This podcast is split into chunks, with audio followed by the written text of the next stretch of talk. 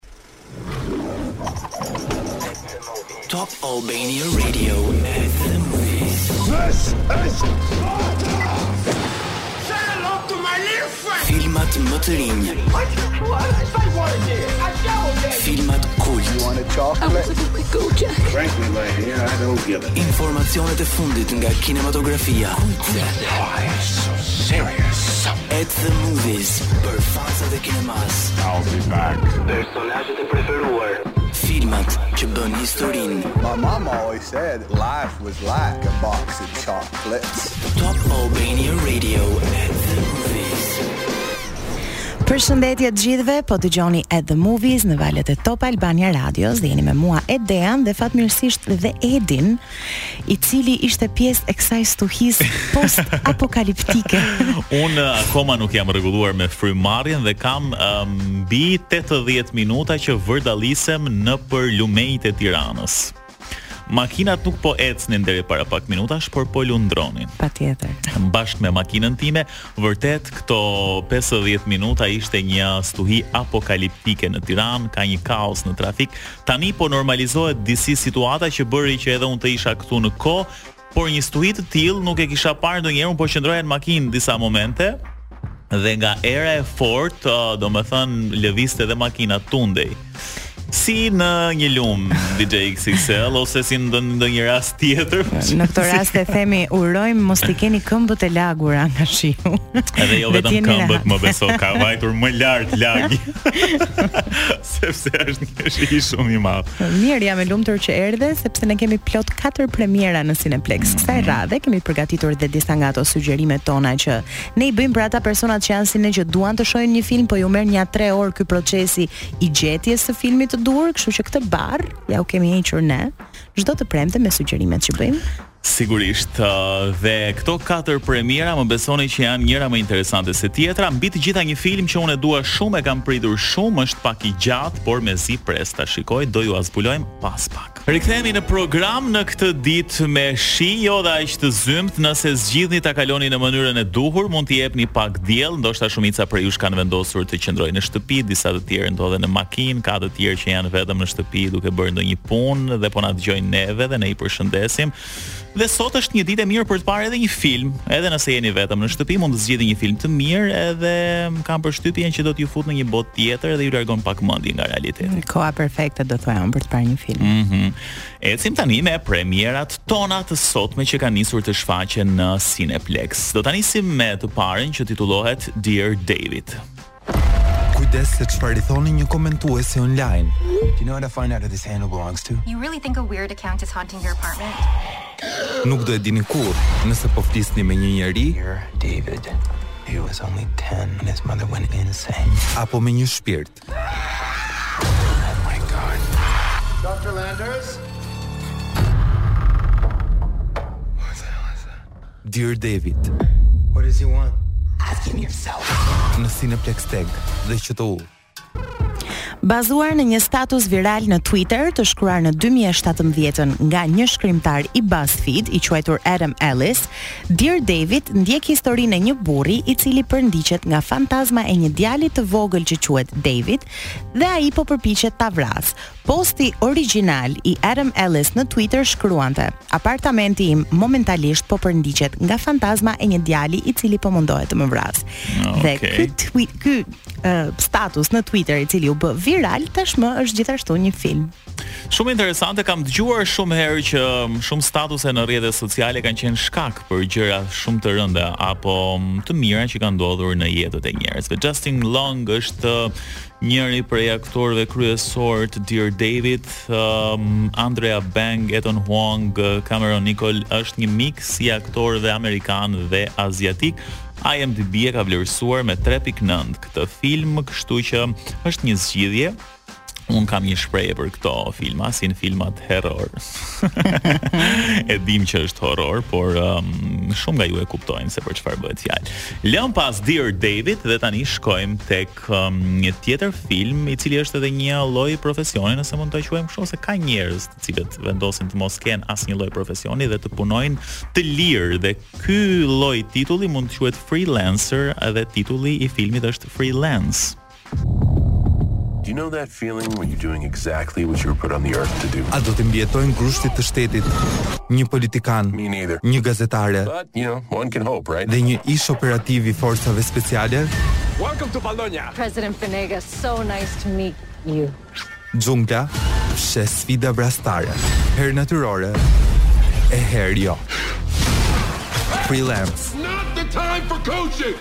në Cineplexx TEG dhe QTU. Oh my god. Një ish operativ i forcave speciale merr një punë deri diku të rrezikshme. I duhet të mbrojë një gazetare teksa ajo interviston një diktator. Por kur një grusht shteti ushtarak shpërthen në mes të intervistës, ata detyrohen të arratisen në xhungël ku duhet t'i mbijetojnë rreziqeve të njëpasnjëshme dhe siç e dëgjuam nga traileri, herë natyrore, herë jo.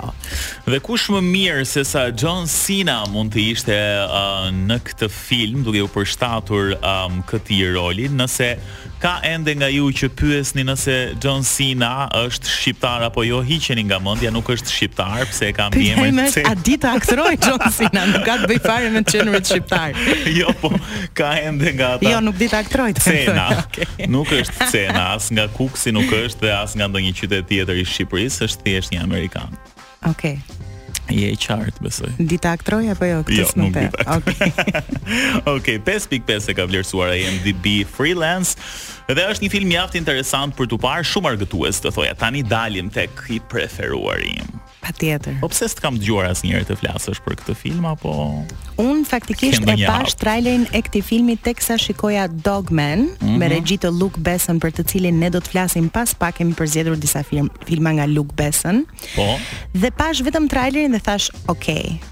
Unë javën tjetër jam përsëri këtu." Mm, titullohet Killers of the Flower Moon, ndjekim trailerin. Deri ku do të shkonit për t'u pasuruar? A ka një limit mes asaj çka është njerëzore dhe etjes për të mbijetuar? Why did you come here? Me regji të Martin Scorsese. I work with my uncle. You scared of him?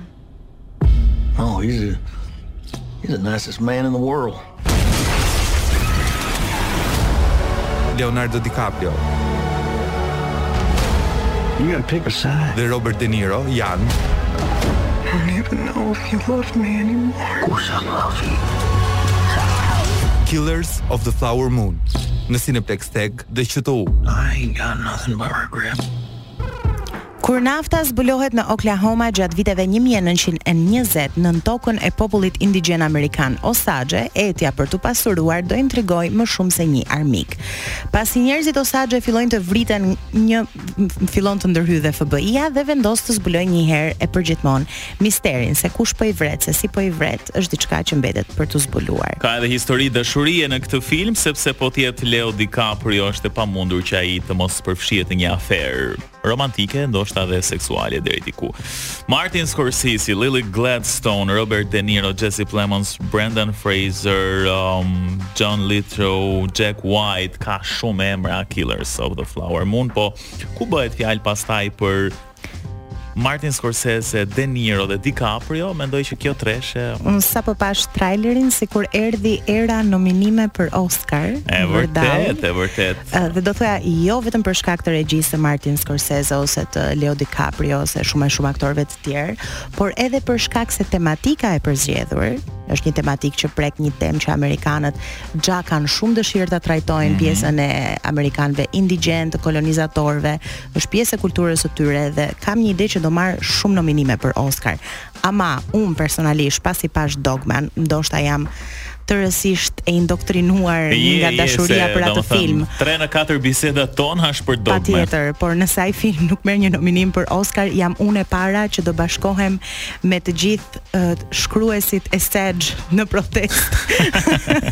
jo për atë që ata po protestojnë, por për këtë protestën time personale. Okej, Eri mbaje këtë deklaratë se do e kemi për më vonë. Um, 8.1 e ka vlerësuar IMDb dhe nuk ka këtu IMDb sepse po flasim për një pretendent për Oscar. Um, kemi dhe një premierë, po e lëmë për më pas sepse tani kemi publicitet, apo jo, kështu që kthehemi për pak. Mirë, kthehemi në program sepse jemi tek premiera e fundit për sot në Cineplex dhe është një film shumë i dashur për të gjithë ne. Um, jo vetëm për nuk e di ka një pozitivitet, ka një vibe shumë interesant Trolls dhe janë rikthyer band together, ndjekim pak trailerin. We are gonna make boy band history tonight. Për dy gjëra ia vlen gjithmonë të luftohet. Për familjen dhe muzikën.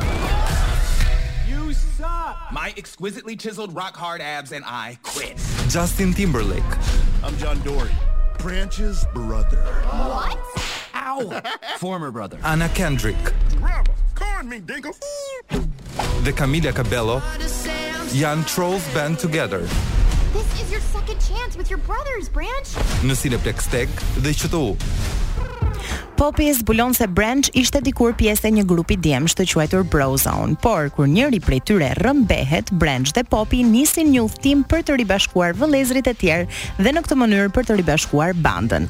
Për të gjithë ju që dëshironi të ndiqni një film në ekranin e madh së bashku me të vegjlit tuaj, zgjidhni Fundjavën e Familjes në Cineplexx TEG dhe QTU, e cila do zhvillohet me datë 4 dhe 5. Filmi perfekt për gjithë familjen është domosdo këtë javë Trolls Band Together, ku aktiviteti që fillon në orën 11 Memorizoheni këtë, do ta mbush Cineplexxin plot animatorë, aktivitete, ka maskota trolls, ka dhe dhurata në sallë, kështu që ora 11 data 4 dhe 5 nëntor. Kjo është e bukur e Cineplexx se përveç se shijoni një film, shijoni një aktivitet, fëmijët tuaj ndoshta do të njohin miq të rinj edhe do të jetë një atmosferë shumë argëtuese me Trolls Band Together. Ndërkohë, tani do të ndalemi sërish tek um, filmi ynë i dashur në kuadër të dashurisë, i cili po vijon rrugëtimin e tij pasi bëri rrugëtimin uh, në Shqipëri dhe në trevat shqiptare, sigurisht premiera nuk mund të lihet pa dhënë edhe në shtetet e botës dhe ne do ju um, qartësojmë dhe përditësojmë pak me datat e premierës në vendet e ndryshme të botës. Patjetër, atëherë nga katër nëntori do të jetë në Kërçovë, në Maqedoninë e Veriut, nga nëntë nëntori do jetë në Mal të Zi në Podgoricë, nga 11 nëntori do jetë në kinema në Greqi, nga 19 nëntori në Kanada. Është tamam në kuadër të dashurisë Takes Over the World në këtë situatë. N- Në Zvicër do jetë gjithashtu nga 9 nëntori, do ketë dhe një meet and greet me castin në 13 nëntor. Në Mbretërinë e Bashkuar do jetë nga 9 nëntori në kinema e në shumë e shumë vende të tjera. Gjithmonë nëse doni të informoheni, futuni në films.top-channel.tv dhe aty do të gjeni datat përkatëse të vendit ku rezidoni dhe keni dëshirë që të keni atë shijen e Shqipërisë dhe për ta pasur patjetër në kuadër të dashurisë është zgjedhja gjithmonë e duhur. E po çfarë mund të them unë më tepër se kaq? Ishte shumë e qartë kolegja ime. Dhe tani um, do të shkëputemi sërish për pak dhe rikthehemi pas pak për të folur për um, disa filma nga Luc Besson. Apo ja nisim që tani më mirë që të kursejmë kohë. Unë jam gati. Okej. Okay e e frymzuar shumë nga, shumë nga Dogman, nga uh, Dogman. si regjisor është i vlerësuar me 7 çmime, Luc Besson hyn domosdoshmërisht në ligën e regjisorëve të mëdhenj. Shpesh herë unë dhe Edi zgjedhim një aktor ose një regjizor prej të cilit përzgjedhim filma ku kanë aktruar ose kanë drejtuar edhe bëjmë një farë sugjerimi për ju që doni të shihni këtë filmin po nuk dini se çfarë të zgjidhni.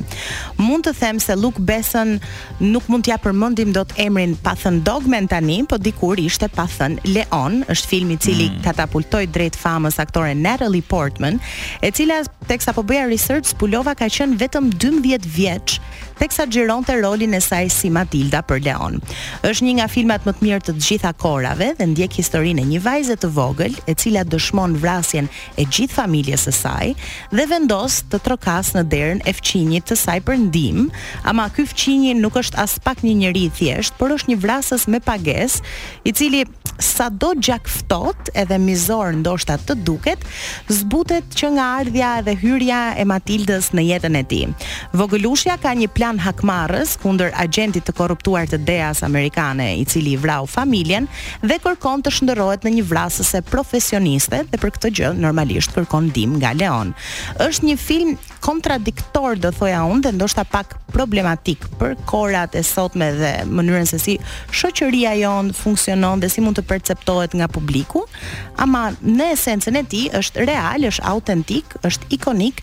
Çuditërisht në optikën time është shumë familjar, sado ka shumë njerëz jam e sigurt që nuk janë dakord me mua, e konsiderojnë ndoshta pak më shumë si një film aksion, um, edhe edhe pak thriller. Është për mendimin tim është një nga ato filma që flet për atë familjen të cilës ne nuk i përkasim biologjikisht, po atë familjen që gjejmë gjatë rrugës. Mm. Dhe mendoj që kjo është gjëja më e bukur që mund të marrësh si mesazh nga Leon gjithmonë nëse je mendjehapur dhe e shikon në këtë aspekt. Nga Luk mua më ka pëlqyer gjithmonë shkurt fare elementi i pestë. Kam një histori shumë interesante shkurt, pasi e kam parë filmin, um, kam mësuar se cili ishte titulli dhe um, domethënë duhet të kem qenë adoleshent kur e kam parë për herë të parë dhe më pëlqeu shumë skenari i një bote apokaliptike dhe një shofer taksie i cili duhet të gjejë pikërisht një element të pestë për të ndaluar një fuqi mm, djallëzore, po themi që të shkatërrojë botën. Edhe një prej kolonave zanore të The Fifth Element në mos gaboj dhe shpresoj shumë mos gaboj është e kënduar nga Inva Mula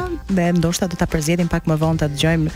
I rri pak për shtat këtij moti post po, apokaliptik që po jetojmë. Ça nuk i rri për shtat këtij moti. Mirë, kthehemi pas pak se po shkojmë drejt fundit të programit për sot. Kthehemi në program, nuk jam vetëm unë dhe Edeja tani dhe me këto veshje që jemi sot um, dhe kështu të lagur. Duket që viroza po mbizotëron kudo. Viroza po kam uh, një imagjinatë sikur jashtë po bie borë, kaq një ditë dimri po më duket. Apo jo, Elios. Unë di të them që kam nevojë për gjithë dëgjuesit e Top Radios sot Kuizi nuk do të jetë për të për të marrë ju dhurata, kuizi është për të më dhënë mua një palë çorape të thara. Ju lutem shumë. Jo vetëm Eliosit, po edhe mua dhe do doja që të paktën mos ta mendoje sikur jashtë është borë, jashtë se po të ishte borë do ishte bukur, do ishim kënaqur, por jo ne në fakt po përjetojmë edhe një herë Detin që lam pas në verë edhe e kemi prap aty poshtë. Kështu që ju lutem okay. një numër 39-a, çorapesh dhe një 46-a. Jo, 43-a do shkojmë për 46-a. Okay. Siç e kuptoj ti me te ikën për ty, do të jemi deri në orën 18, do të kemi lajme showbiz, lajme sociale, do të kemi lifestyle dhe sigurisht atë kuicin që të gjithë lakmojnë. Do ju qajmë dhe pak hallet në lidhje me shiun sot, kështu që mos nguroni. Se më pas ka lart kështu? Shiu pra. Shiu, ëh. Uh -huh. Dashuria jo? Jo. Tradhtia po? Jo. Jo, mirë, jo, okay, jo. jo. Ideja është që për të gjithë dëgjuesit tanë që do jenë duke ndjekur një këngë për ty, mm -hmm. përveç se të dërgojnë preferencat e tyre muzikore dhe sigurisht gjithë ata që tashmë kanë ngecur në trafik për shkak të përmbytjeve në Tiranë, do të shoqërohen pikërisht nga unë Erma dhe um, Eliosi. Dhe uh, mund na telefonojnë në, në numrin ton 069 20 47 299 për të dhënë gjitha këngët e tyre të preferuara dhe për të na thënë se si e përballuan shiun sot. Perfekt fare. Ça do thoje kolege? Fjala e fundit. E vetmja gjë që mund të them është të premten tjetër do jeni me mua dhe Edin. Urojmë të qëndroni të thatë se në këtë ekonomi Ore, të jesh i lagur. Më me këto lagje. Mbyllim këtu se lagja vazhdon. Pastaj një këngë. U dëgjofshim dhe kalofshi bukur.